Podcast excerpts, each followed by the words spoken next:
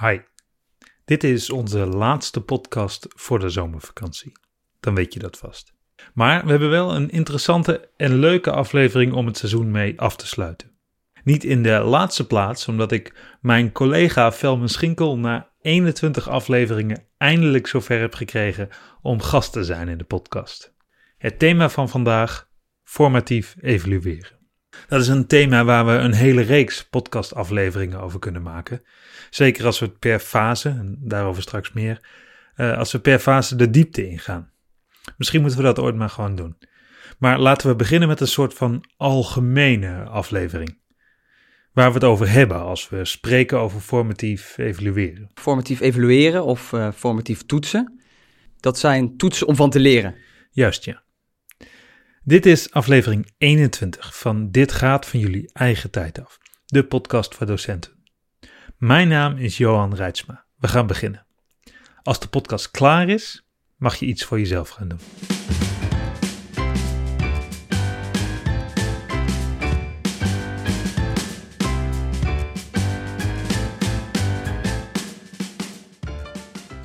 Je kunt uh, gaan formatief evalueren uh, vanuit heel veel verschillende redenen. Uh, bijvoorbeeld om je leerlingen meer eigenaarschap te geven, om leerlingen meer te betrekken bij het leerproces, uh, door niet meer in cijfers te gaan denken, dus niet meer te gaan denken ik heb een 6, dus ik heb het gehaald, maar te laten nadenken over welke leerdoelen beheers ik al en welke leerdoelen beheers ik nog niet. Dus daarmee maak je leerlingen veel meer eigenaarschap van jouw vak en uh, inzicht, door inzicht te geven in jouw vak, wat ze al wel kunnen en wat ze nog niet kunnen. dus dat is één belangrijke pijler. Uh, bovendien zorgt formatief evalueren ervoor dat je veel kritischer naar je eigen handelen gaat kijken. Van wat doe ik eigenlijk in de les?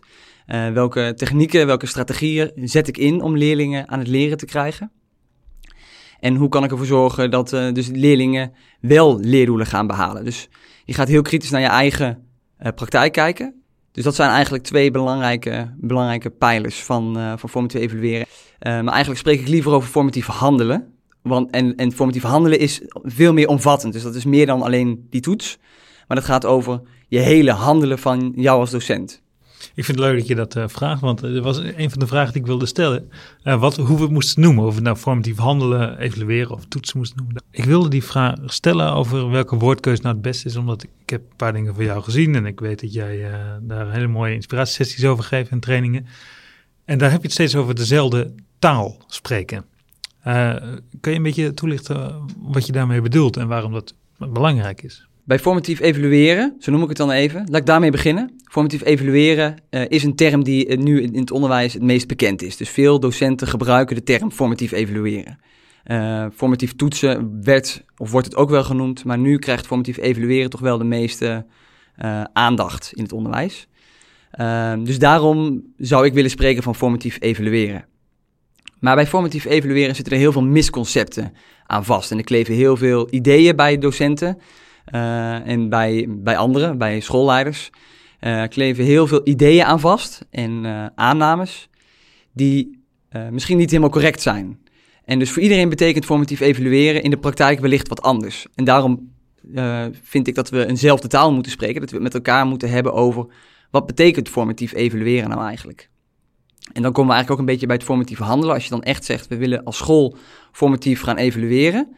Uh, dan kom je dus eigenlijk meer naar een schoolbrede uh, formatief handelen. Ga je dan eigenlijk naartoe werken.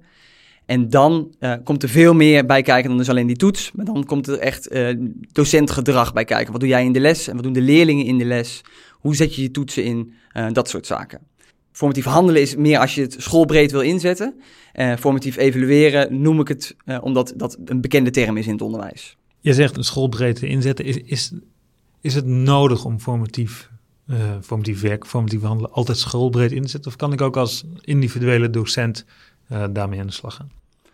Het is niet per se nodig om dat schoolbreed in te zetten. Um, sterker nog, iedereen is er eigenlijk mee aan de slag. Iedere docent die heeft elementen van formatief handelen in zijn lessen. Um, iedere docent is aan het peilen, waar staan mijn leerlingen nu? Moet ik het misschien nog een keertje uitleggen? Hebben ze het begrepen? Uh, je kunt het aan de, aan de ogen soms zien, dat je een beetje vragend aangekeken wordt en dan leg je het nog een keertje uit of je gaat nog even naar die ene leerling toe. Dat zijn eigenlijk allemaal strategieën van formatief evalueren of formatief handelen. Um, maar als je als school het doel hebt gesteld om uh, formatief handelen naar een hoger niveau te tillen, En als het echt een speerpunt is van jouw school, ja, dan zul je er wel met het hele team mee aan de slag moeten gaan. En dan zul je echt meer aan implementatietrajecten moeten denken. Laten we een stapje terug maken voor we voorwaarts gaan. Uh, kan je het verschil tussen formatief en summatief gewoon heel kort uitleggen? Ik, ik, denk dat er geen luisteraar is die dat niet weet, maar gewoon ja, misschien toch één. Formatief evalueren is het beginpunt van het leren en summatief leren of summatief evalueren is het eindpunt van het leren. Dus bij formatief evalueren um, is de toets of is een evaluatiemoment wordt gebruikt om te bepalen wat kun je al en wat heb je dan nodig om het leerdoel te behalen als je het nog niet kunt. Of als je een leerdoel behaald hebt, wat kun je dan nu voor een leerdoel gaan oppakken. Dus het wordt gezien als het beginpunt van het leren. En bij een summatieve toets, dat wordt ook vaak gebruikt, of dat wordt gebruikt om iemand te beoordelen, om een leerling te beoordelen, normering. Uh, en dus vaak ook krijgt dat uiting in een cijfer. Heb je het gehaald of heb je het niet gehaald? Kun je het of kun je het niet? Uh, dus die normering is vaak ook afhankelijk van hoe andere leerlingen presteren. Als iedereen heel goed is in dat vak, dan krijg je een lager cijfer dan als, uh, als, als er hele grote verschillen zijn. Uh, dus het summatieve is meer voor de normering. Formatief is het leerproces inzichtelijk maken en leerlingen aan het leren krijgen. Voor ik er helemaal in zou willen duiken, ik, ik zag een presentatietje van jou en daar had jij als citaat in staan. Dat vond ik mooi, maar misschien wil je het toch nog iets duiden. Er staat, toetsen hebben de waarde die wij er als leraar aan geven. Ja, door de manier waarop wij uh, eigenlijk summatieve toetsen uh, nu een plek geven in het, uh, in het onderwijs. Althans op veel, op veel scholen waar ik, waar ik kom en waar ik dat zie.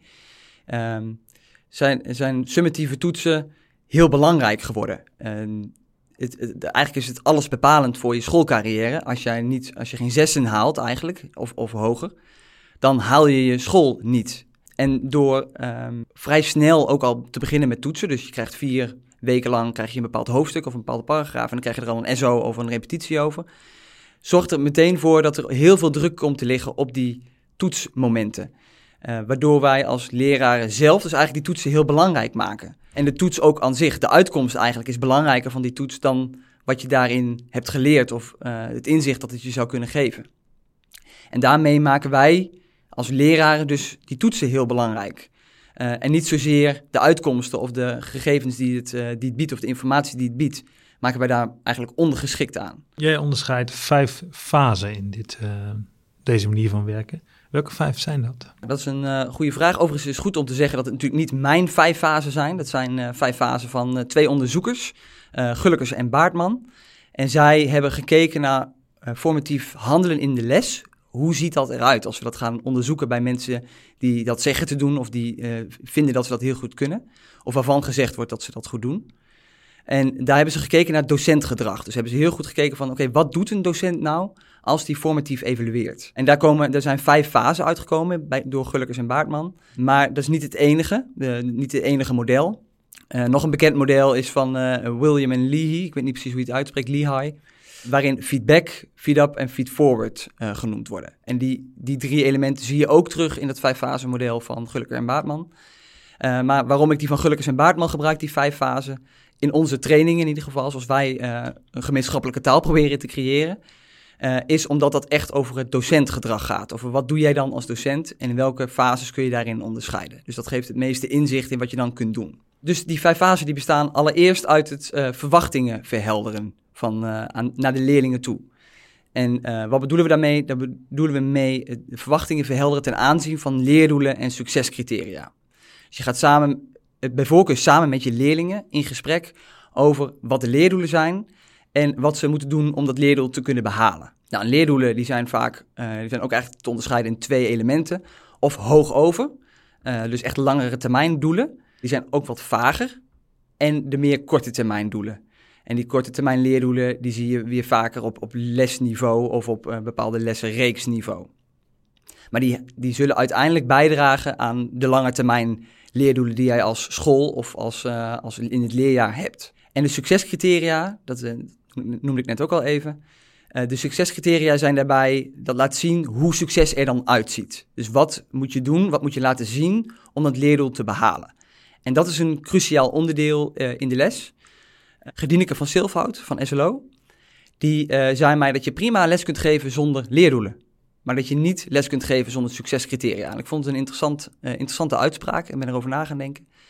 Maar die succescriteria, die geven aan de leerling aan wat ze moeten doen om een bepaald leerdoel te halen of om, om iets te kunnen. Uh, dus ja, daar kun je eigenlijk niet zonder. En dat doet iedere docent eigenlijk automatisch om aan te geven, nou, als je een betoog schrijft, moeten deze drie elementen erin zitten. Uh, mag het geen spelfouten bevatten, dat soort zaken. Dat zijn echt succescriteria. Dus ik vond het een interessante uitspraak. En ik denk wel dat, dat, uh, dat het waar is. Uiteraard zijn leerdoelen super belangrijk. Die zijn de basis van je curriculum. Maar die succescriteria heb je ook nodig om je les te geven. Het, het, is verwachtingen verhelderen in die eerste fase. We zijn nog steeds bij die eerste fase. Best lang verhaal voor fase 1. en in die eerste uh, fase, in de verwachtingen verhelderen, is het belangrijk dat die leerlingen ook weten dat ze goed internaliseren eigenlijk wat ze, gaan, uh, wat ze moeten doen om het leerdoel te behalen.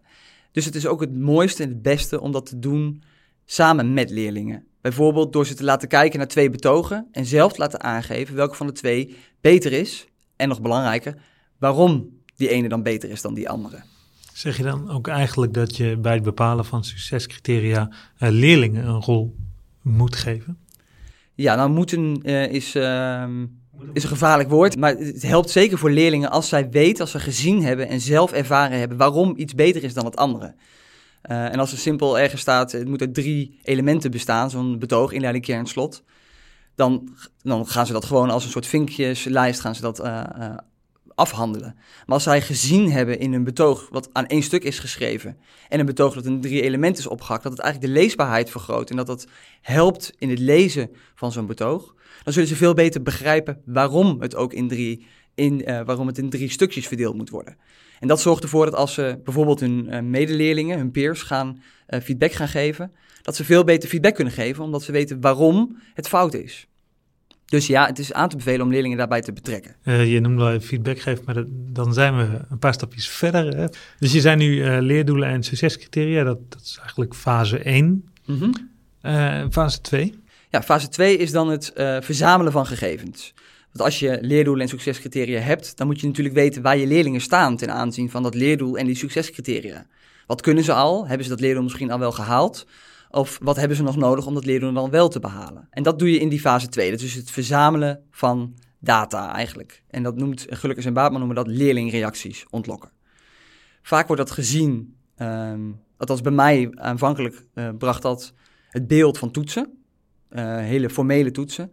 Maar je kunt het ook uh, veel informeler doen. Door bijvoorbeeld vragen te stellen aan je leerlingen en te kijken of ze de juiste antwoorden geven. Of dat er misschien misconcepten onder zitten. Je kunt in de les gebruik maken als je analoog uh, bent, dus als je van, uh, niet zoveel van digitaal houdt, kun je gebruik maken van wisbordjes bijvoorbeeld. Waarin leerlingen het antwoord opschrijven, even omhoog houden, zodat jij snel in beeld hebt hoe daarop uh, gescoord wordt. Dat kan een verslag laten schrijven zijn. als je maar iets van input krijgt, of huiswerk kan in principe ook gewoon dienen als input om te bepalen waar staan mijn leerlingen met betrekking tot dit leerdoel of tot deze leerdoelen. Dus dat is die tweede fase, het verzamelen van data eigenlijk. Leerlingreacties ontlokken. Dat is helder. Verder dan maar. Ja. Stap drie. Stap drie is dan het analyseren van die gegevens. Uh, je kunt natuurlijk prima een toets laten maken of een uh, of wisbordjes gebruiken, maar als je niets doet met die informatie, dan heeft het eigenlijk ook geen zin om die informatie te gaan verzamelen. Dus als, jij, als je daar gebruik van maakt, als je leerlingreacties gaat verzamelen, is het eigenlijk ook in die fase al belangrijk om na te denken: wat zegt een fout antwoord over de misconcepten die wellicht bij leerlingen leven? Een voorbeeld daarvan in wiskunde is bijvoorbeeld als je gaat, data gaat verzamelen over het berekenen van een oppervlakte. Dan kun je uh, als wiskundedocent uh, gaan nadenken: okay, welke fout zullen leerlingen nou geneigd zijn te maken? Of welke fouten heb ik misschien in andere jaren heel veel voorbij zien komen? En dat zou bijvoorbeeld kunnen zijn dat ze de omtrek gaan berekenen of de inhoud gaan berekenen in plaats van de oppervlakte. Dus als je die antwoordopties meeneemt, in bijvoorbeeld een meerkeuze. Of als je die al van tevoren voor jezelf hebt opgeschreven. Nou, als, als 4 het antwoord is, hebben ze de omtrek berekend. Dan, als ze dan wisbordjes ophouden, dan zie je in één oogopslag. Ah, die heeft waarschijnlijk eh, niet de oppervlakte berekend, maar de omtrek. En dat helpt je in die derde fase, want daar zijn we natuurlijk in de analyse. In die derde fase helpt het om uh, te weten welke misconcepten er achter een bepaald fout antwoord zitten. Zodat je, uh, zodat je meteen kunt analyseren waar het fout gaat. Uh, en dat helpt je ook in fase 4, het geven van feedback. Ja, nog, nog heel even over die fase 3. Mhm. Uh, is het zeg maar vooraf uh, bedenken waar mogelijk een fout gemaakt zou kunnen worden? Is dat ook vooral om jezelf te helpen om snel uh, daarop feedback te kunnen geven? Ja, ja, voornamelijk om jezelf tijd te besparen tijdens die les. Want daarin moet het gebeuren natuurlijk. Want daar heb je die leerlingen tegenover je zitten. Nou, in het afstandsonderwijs even niet fysiek. Maar als je daar nog moet nagaan denken over welke tips je leerlingen kunnen, kunt geven als ze fouten maken, dan kost dat misschien meer tijd. Dus om van tevoren na te denken, als dit antwoord gegeven wordt, kan ik deze strategie aan die leerling aanreiken, zodat hij wel zijn leerdoel kan behalen. En dat helpt, dat helpt gewoon in de efficiëntie van je les. Uh, en je kunt er misschien zelfs al een instructiefilmpje voor hebben klaarstaan bijvoorbeeld, zodat je meteen daarop uh, kunt, uh, kunt reageren. Eigenlijk wilde ik dit later vragen, maar je haalt het nu zelf al even aan. Ik kan me voorstellen dat een hoop docenten denken, ik, ik moet al normaal mijn programma afwerken en dan moet ik een toets maken. Dat lukt al nauwelijks in de tijd die ik ervoor heb. En nu moet ik zeg maar als een soort beginpunt van mijn onderwijs, in plaats van het eindpunt van toetsen zoals je het in het begin noemde. Dus dat gaat me allemaal veel meer tijd kosten. Hoe gaan mensen dit dan voor elkaar boksen, het uh, formatief evalueren? Ja, dat is denk ik een terechte, opmerking. Als je het formatief evalueren of het formatief handelen echt goed wil embedden, dan kost dat heel veel tijd en energie. Uh, daar, daar, moet je echt wel wat, uh, wat tijd voor vrijmaken ook en echt in willen investeren. Maar je kunt ook ervoor kiezen om uh, elementen van het formatief evalueren te gebruiken, om ook gewoon eens te testen. Dat wil zeggen dat je kunt beginnen met een diagnostische toets aan het begin van een hoofdstuk. Dat je de toets, bij wijze van spreken, al geeft aan de leerlingen. Om te kijken wat, wat ze al kunnen en waar je dus in dat hoofdstuk, het aankomende hoofdstuk, geen aandacht of minder aandacht aan hoeft te besteden. Uh, dat is uh, niet radicaal uh, vernieuwend. Dat is niet iets wat je jarenlange implementatie kost. Maar het geeft je wel meteen inzicht in wat leerlingen al kunnen. En zodat je je kunt richten op de paragrafen die leerlingen nog moeilijk vinden. En daar meer aandacht aan kunt besteden. Nou, als je echt wat meer in de technische, op de technische kant van toetsen ingaat, dan uh, zou je, kun je natuurlijk nooit een beslissing nemen. Want dat is wat je met summatieve toetsen doet. Je neemt een beslissing. Iemand gaat over of iemand is, is voldoende geacht om, dat, om die vaardigheid te beheersen of om die kennis te beheersen. Een beslissing mag eigenlijk nooit afhangen van één cijfer of van één meetmoment. Uh, wat nu wel vaak uh, gebeurt, dat je aan het einde van hoofdstuk 1 een toets krijgt over hoofdstuk 1. Uh, eh, dat sluit je met een 6 af. En dat is het enige wat in dat rapport telt voor hoofdstuk 1. Eigenlijk meet je daarna niet meer hoofdstuk 1 of iemand dat goed kan of niet. Wat eigenlijk een beetje bijna oneerlijk zou kunnen zijn. Als je toevallig die dag niet lekker in je vel zat. Of omdat je misschien de week daarna wel onder de knie had. Dan blijft die 6 of die 4 misschien die blijft staan. Dus onze meetmomenten, die zijn, uh, daar hangt eigenlijk heel erg veel van af. En als je die meetmomenten wat kleiner maakt, minder, minder belangrijk maakt, dan heb je dus tussendoor al wat informatie verzameld die je ook kunt gebruiken in het cijfer dat je uiteindelijk geeft. Dus dan heb je niet alleen die zes staan, maar dan heb je ook uh, gedurende het traject um, gezien dat iemand gegroeid is of juist niet gegroeid is. En ook die meetpunten zijn dan belangrijk in de beslissing die je uiteindelijk kunt nemen. Kan die leerling over of niet? Of heeft deze leerling de leerdoelen gehaald of niet? Dat was een, zijsprongetje. Terug naar de vijf fasen. Fase 1 was uh, leerdoelen en succescriteria. Uh, fase 2 gegevens verzamelen. En fase 3 gegevens analyseren. En dan gaan we naar stap 4. En dat is feedback. Ja. Ik verklap het alvast. Ja, dat is zo. Ja. Eh, eigenlijk is het het communiceren van, uh, van waar de leerlingen staan. Dus waar sta je op dit moment? Uh, en daarop de, de leerlingen helpen om aan te geven, nou dit kun je al. En, en dit kun je gaan doen om het te gaan verbeteren. Uh, dus, dus feedback geeft me ook een beetje feed-forward. Van um, hier, hier gaan we naartoe werken. Um, en dit moet je doen om daar, om daar te komen. Uh, dus in, in, die fase is natuurlijk heel belangrijk dat leerlingen weten wat er van ze verwacht wordt, dat leerlingen weten waar ze staan en dat leerlingen er vervolgens zelf aan de slag kunnen met die feedback die je ze gegeven hebt en uh, ja, hun best kunnen gaan doen om dat, uh, om dat leerdoel wel te gaan behalen. En op basis van die resultaten die je in die fase 2 dus hebt verzameld. Je noemde net al eventjes feedback en feedforward. feedback kennen de meeste mensen wel, maar feedback en feedforward, kun je een beetje uitleggen wat het, wat het betekent? Zeker. Zal ik dat eventjes voor de, alle drie de dingen benoemen? Dus feed-up, feedback en feedforward.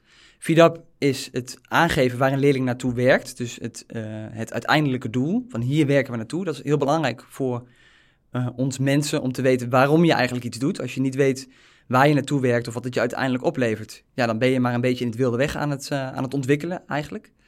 Dus die feed-up geeft aan, dit ga je uiteindelijk kunnen. Of je gaat uiteindelijk een betoog kunnen schrijven. Of je kunt een betoog schrijven voor alle, alle doelgroepen. Daar werken we met z'n allen naartoe. Feedback is dan vervolgens, dan hier sta je nu, je bent nu op deze, op, deze plek in dat proces. En feed forward is uh, de stap die je moet zetten om naar, die, naar dat uiteindelijke doel te komen. dus dat zijn strategieën die je aanreikt om leerlingen te helpen om het doel te behalen. Dat is de feed forward. Nou, misschien wat nog leuk is om te zeggen over die fase 4, is dat feedback geven uh, het, allerbeste werkt. Dat weet eigenlijk iedereen wel, althans ik denk dat, dat veel docenten dat wel weten. maar dat feedback geven eigenlijk alleen zin heeft op het moment dat dat onmiddellijk gebeurt. Dus zo snel mogelijk nadat je een fout maakt, kun je die feedback geven of de feedforward geven. En anders heeft het eigenlijk niet zoveel zin. Veel, ik herken het in ieder geval van heel veel leerlingen, die als jij een cijfer teruggeeft, uh, een gat in de lucht springen of zeggen jammer, en vervolgens het papiertje weer aan de kant schuiven. Wordt eigenlijk nooit gekeken, oké, wat heb ik dan fout gedaan? En hoe kan ik ervoor zorgen dat, het, dat ik het de volgende keer beter doe? Ja, ook omdat het, het in principe niet uitmaakt. Ja, het is misschien interessant, maar het verandert niks. Nou, dat, is een, dat is een heel goed punt. En daarom pleit ik er ook voor dat er eigenlijk altijd een moment van herkansing moet zijn. En daarom zijn die summatieve momenten die vaak aan het einde van een hoofdstuk of aan het eind van de periode gegeven worden, um, zo, zo belangrijk, omdat het omdat wat je daar scoort blijft staan. Je kunt je niet meer, ja, je kunt hem herkansen in sommige gevallen, maar ook niet oneindig. Je kunt eigenlijk dat, dat, dat beeld niet meer rechtzetten. Ook al heb je daarna heel veel geleerd, dat die, die vier of die zes blijft staan. Uh, en daarom is het zo belangrijk om leerlingen de kans te geven om te herkansen, om leerlingen de kans te geven om het opnieuw te doen. En om leerlingen te laten zien dat ze gegroeid zijn. Want er is niets zo gaaf om te zien dat je iets eerst niet kon en nu wel kan. Dat is iets, ja, dat, dat vindt ieder mens mooi om zich te ontwikkelen. En als je dat inzicht aan leerlingen kunt geven, dat ze kunnen en mogen groeien, ja, ik denk dat dat eigenlijk de kern is van formatief evalueren. Uh, en dan zul je ook zien dat het kost tijd om uh, voor, voor leerlingen ook om die, om die gedragsverandering door te gaan. Dus om uh, eigenlijk een soort van geconditioneerd te zijn op ik moet goede cijfers halen naar ik wil beter worden in dit vak. Of wat kan ik doen om hier, om hier beter in te worden. En dat kost tijd en kost ruimte en heel veel energie. Daar moet je heel veel energie in investeren als, als docent. En het wordt helemaal lastig als jij de enige docent bent die bijvoorbeeld geen cijfers meer geeft. En al die leerlingen in de cijfersmentaliteit zitten als jij dan als enige stopt met uh, cijfers geven, ja, dan, dan gaan ze meest leren voor die toetsen waar ze, waar ze niet voor mogen herkansen of waar ze een cijfer voor krijgen. Ja. Ik kan me voorstellen dat het ook wel meer energie oplevert. Want uh, voor leerlingen is natuurlijk een soort, bij als een summatieve manier van toetsen, een soort vinkje zetten. Heb ik een 6 gehaald of hoger, dan heb ik het gehaald. Maar het is voor docenten eigenlijk, stel ik me zo voor, ook een beetje hetzelfde. Hè? We hebben deze periode afgesloten. Dit is wat we hebben gedaan. Ik kan me voorstellen dat als je bezig bent en bezig blijft om leerlingen nog uh, verder te ontwikkelen en ze te helpen om een stapje te maken, dat het ook al kost je meer energie, ook meer oplevert. Ja, dat denk ik zeker. Ja. Ik weet eigenlijk niet of dat een vraag was. Ik, ik keek je er heel vragend mee aan, merk ik, maar uh, ja, dat was meer dat ik me kon inbeelden. Uh, wat is de laatste fase? Ja, dat is eigenlijk je onderwijs aanpassen. Het um, ervoor zorgen dat je actie onderneemt op wat je hebt gezien in je lessen en wat je hebt gezien bij het verzamelen van je data. Dat kan betekenen dat je um, je, je les nog een keertje opnieuw moet geven of die instructie nog een keertje opnieuw moet geven. Dat kan betekenen dat je uh, andere strategieën gaat, aan, gaat proberen om leerlingen alsnog bij dat leerdoel te krijgen, omdat het op die ene manier uitleggen niet werkte. Uh, je kunt verlengde instructies gaan geven of verdiepende instructies aan leerlingen die dat nodig hebben. Um, je kunt uh, peer feedback gaan inschakelen. Je kunt dus allerlei strategieën gaan aanwenden en je, je les zo aanpassen dat leerlingen die doelen gaan behalen. Um, en dat is een hele belangrijke stap, omdat dat natuurlijk de actie vereist. Je moet wat gaan veranderen of je moet iets gaan doen om ervoor te zorgen dat die leerlingen tot leren komen en iets gaan, ja, iets gaan doen met de informatie die je hebt gegeven. Je zei het al een klein beetje, maar stel nu dat er luistert een docent en die zegt: Ja, dit is, dit is wat ik wil, dit is wat ik nodig heb. Wat, wat kan die nou doen om zeg maar morgen hiermee uh, te beginnen? Er zijn heel veel uh, kleine dingetjes die je kan doen. In ieder geval wat je nu gehoord hebt, probeer in de, in de praktijk te brengen. Dus uh, pak eens een Kahoot, een quizje, en stop daar een drietal vragen in of een vijftal vragen in om, om te peilen waar je leerlingen staan. En dat, dat geeft je al inzicht in waar uh, je leerlingen staan op een speelse manier. Je hoeft er dus geen cijfer aan te koppelen. Je hoeft daar in principe niet, niks mee te doen als in, uh, dus in een magister te zetten of iets, of iets dergelijks. Maar belangrijk is om die input te gaan gebruiken om te kijken waar staan mijn leerlingen. Uh, kan, ik het, kan ik het onderwerp afsluiten of kan ik misschien die ene leerling nog even apart bij me roepen? Dat je meteen gaat kijken wat kan ik er dan aan doen om de leerlingen die het niet, niet begrepen hebben, het wel te laten begrijpen. En dat is eigenlijk al de kern van formatief evalueren, een toets gebruiken, een evaluatiemoment gebruiken om van te leren. Uh, nou, ik heb ook al aangegeven, gebruik eens een keer een diagnostische toets of de toets aan het begin van een periode om te kijken hoe leerlingen daar nu misschien al op, op, op scoren. Uh, dat is ook al een vrij uh, eenvoudige manier die je morgen kunt gebruiken, of bij de eerstvolgende keer dat je een nieuw hoofdstuk start, om, um, om aan formatief evalueren te werken. Wat je een paar keer zegt, is ik, ik zou een leerling dit kunnen geven of ik zou een leerling wat meer kunnen bieden. Zorgt formatief handelen er ook automatisch voor dat je meer persoonlijk onderwijs moet gaan bieden of gepersonaliseerd onderwijs? Enerzijds wel, omdat je natuurlijk um, door los te komen van de cijfers kijk je veel meer naar de leerdoelen. Dus hoe ver is mijn leerling op het leerdoel? Dus niet, het heeft een, een 4 gekregen voor uh, hoofdstuk 3 tot en met 5. Nou, dat is onvoldoende. Beter leren, ja, daar kan een leerling helemaal niets mee. Uh, maar je gaat het dus meer, veel meer hebben over de inhoud van je vak. En per leerling heb je in kaart uh, waar ze staan ten aanzien van een bepaald leerdoel. En ja, dat geeft al een soort van personificatie, een gepersonaliseerd beeld van een leerling waar die staat op allerlei, op allerlei leerdoelen. Tegelijkertijd is het als docent, denk ik, um, bijna niet mogelijk om iedere leerling op een eigen niveau uh, te laten werken. Natuurlijk bieden ICT-toepassingen daar wel de ruimte voor. Um, maar jij kunt als, als leraar niet 30 verschillende leerlijntjes in één klas gaan uitwerken. En er allemaal tegelijkertijd zicht op houden en iedereen van de juiste feedback voorzien. Dus enerzijds heb je het wel heel gepersonaliseerd, omdat je het wel echt goed per leerling in kaart hebt. En je kunt leerlingen op per niveau eigenlijk strategieën aanreiken die voor dat, voor dat kind, voor die leerling relevant zijn. En tegelijkertijd heb je ook een soort van um, basis, uh, basislessen die je geeft om ook gewoon alle leerlingen op het juiste spoor te houden, zodat iedereen uiteindelijk wel door hetzelfde malletje gaat. Want dat is wel wat het eind, uiteindelijk um, je eindexamen wel is. Je moet een bepaald, over een bepaalde uh, set voldoen. En ja, dat, dat is nog steeds hetzelfde. Daar werk je voor iedereen naartoe. Uh, maar hoe je daar komt, daar kun je iets meer invulling aan geven. Gepersonaliseerd invulling aan geven. Ja. Wat zijn valkuilen bij het formatief handelen? Nou, valkuilen zijn um, bijvoorbeeld dat je te snel wil. Als je formatief gaat evalueren, dat je zegt, nou, het moet in één keer allemaal anders, 100% anders, helemaal formatief. Um, en daarbij vergeten dat je ook al heel veel dingen formatief doet. Dus te snel willen is uh, volgens mij een grote valkuil. Kijk goed naar je eigen onderwijs. Hoe geef jij dat nu vorm? Uh, welke formatieve elementen zitten er al in? En welk kleine stapje kun je morgen zetten om het een klein beetje formatiever te maken? Uh, en dan is nog een valkuil om bijvoorbeeld leerlingen geen herkansingen te geven. Niet de mogelijkheid te geven om het iets um, te laten zien dat ze iets wat ze niet konden, nu wel kunnen. Dus dat is een belangrijke, belangrijke valkuil of iets waar je aan, aan moet denken of kunt denken. Um, omdat dat essentieel is als je gaat formatief evalueren. Gezegd is, formatief evalueren is het leren van uh, toetsen. Een toets om te leren. Het is het startpunt van het leren. En als je een leerling niet laat herkansen, als een leerling niet de mogelijkheid krijgt om te laten zien, hé, hey, ik kon iets eerst niet en nu wel, dan is het geen formatief evalueren, dan is het geen formatieve strategie. Um, dus die herkansing, het opnieuw mogen laten zien dat je iets kunt, dat is, dat is een, uh, een belangrijk element. Dus ook een valkuil als je, dat, als je zegt ik ben formatief, maar niet de leerlingen de kans geeft om te laten zien dat ze het kunnen. Zou je een paar tips willen geven voor docenten die formatief willen handelen of meer formatief willen handelen? Een hele mooie tip is uh, meer gebruik maken van informele aanpakken. Dus niet per se een formele toets te geven, maar uh, vragen te stellen en door te vragen. Waarom denk je dat dat het juiste antwoord is? Want het doet er eigenlijk niet toe of iets het goede of foute antwoord is, maar gaat ook vaak vooral om, de, om het waarom. Waarom is iets dan fout? En als je erachter komt waarom leerlingen iets fout doen, of die ene leerling iets fout doet, geeft iets weer over misconcepten die bij die leerlingen ten aanzien van jouw vak heersen. En misschien is dat wel goed om nog even te zeggen. Het is heel erg afhankelijk van uh, jouw eigen expertise als leraar binnen je vakgebied. Ik, geef hier wat algemene tips. Um, maar eh, alles gebeurt in het licht van jouw vak. Jij weet als, als, als, als wiskundedocent precies waar leerlingen vaak tegenaan lopen. Helemaal als je wat meer ervaring hebt en vaker toetsen hebt afgenomen, dan weet je gewoon vaak...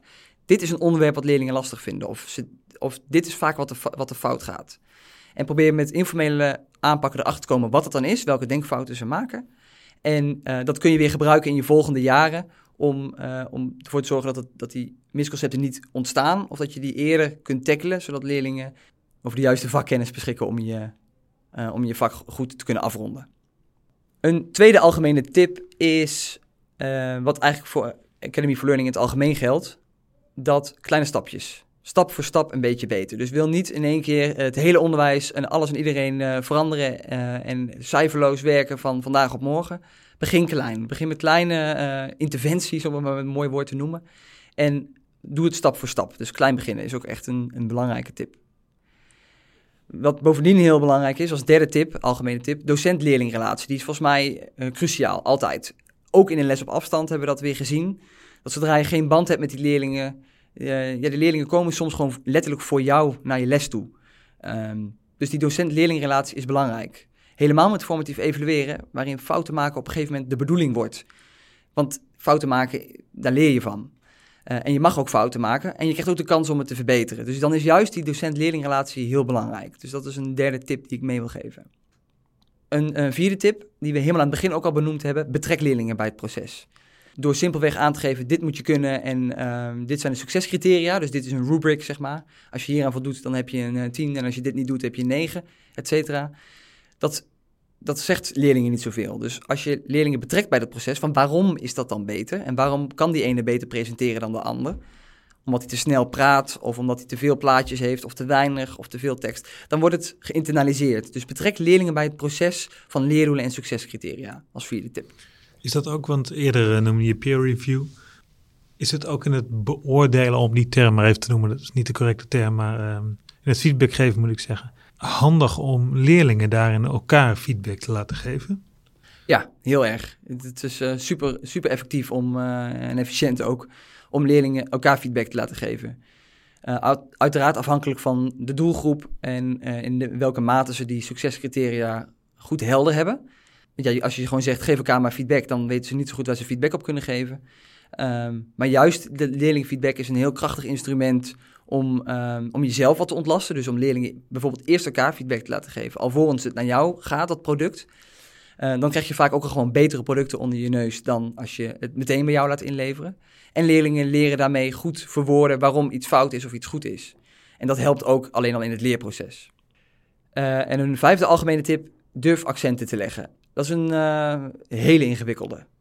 Maar wel als je meer met formatief evalueren gaat werken en als je echt binnen je school echt helemaal formatief gaat handelen, dan zul je zien dat misschien alles wat je doet in het curriculum een beetje veel is. Dat je te veel wil. Veel van het leren is gericht op uh, korte termijn leren. En je ziet het bij leerlingen dat, ze, dat ze bijvoorbeeld vlak voor een toets even heel erg veel gaan stampen. Ze maken de toets, ze halen een voldoende en ze vergeten het weer. Zoals wij. Ja, precies dat. Ja, ja inderdaad. En uh, nou, op, een, op een loesje poster stond uh, zweten, of weten, zweten, vergeten. Um, en dat is eigenlijk precies wat je niet wil, denk ik, als leraar. Je wil dat je leerlingen iets meegeven voor de rest van hun leven. Uh, of in ieder geval voor een iets langere termijn dan de dag na de toets. Um, dus durf accenten te leggen, dus durf langer stil te staan bij elementen die jij echt als docent belangrijk vindt in je curriculum. Of bepaalde leerdoelen die, echt, die ze echt nodig hebben in hun dagelijkse praktijk of in hun dagelijks leven. En durf daarmee ook bepaalde elementen los te laten, bijvoorbeeld uit je methode los te laten. Je hoeft niet alles te doen. Je kunt daar echt wel in keuzes maken. Uh, maar dat is echt super ingewikkeld om daar echt verder mee te gaan. Maar uh, durf te kiezen voor waar jij warm van wordt en durf daar wat langer bij stil te staan. Bedankt voor het luisteren.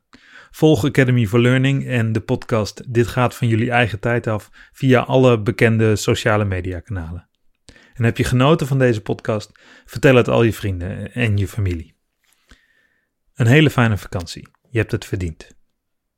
Tot zover. Je mag iets voor jezelf gaan doen.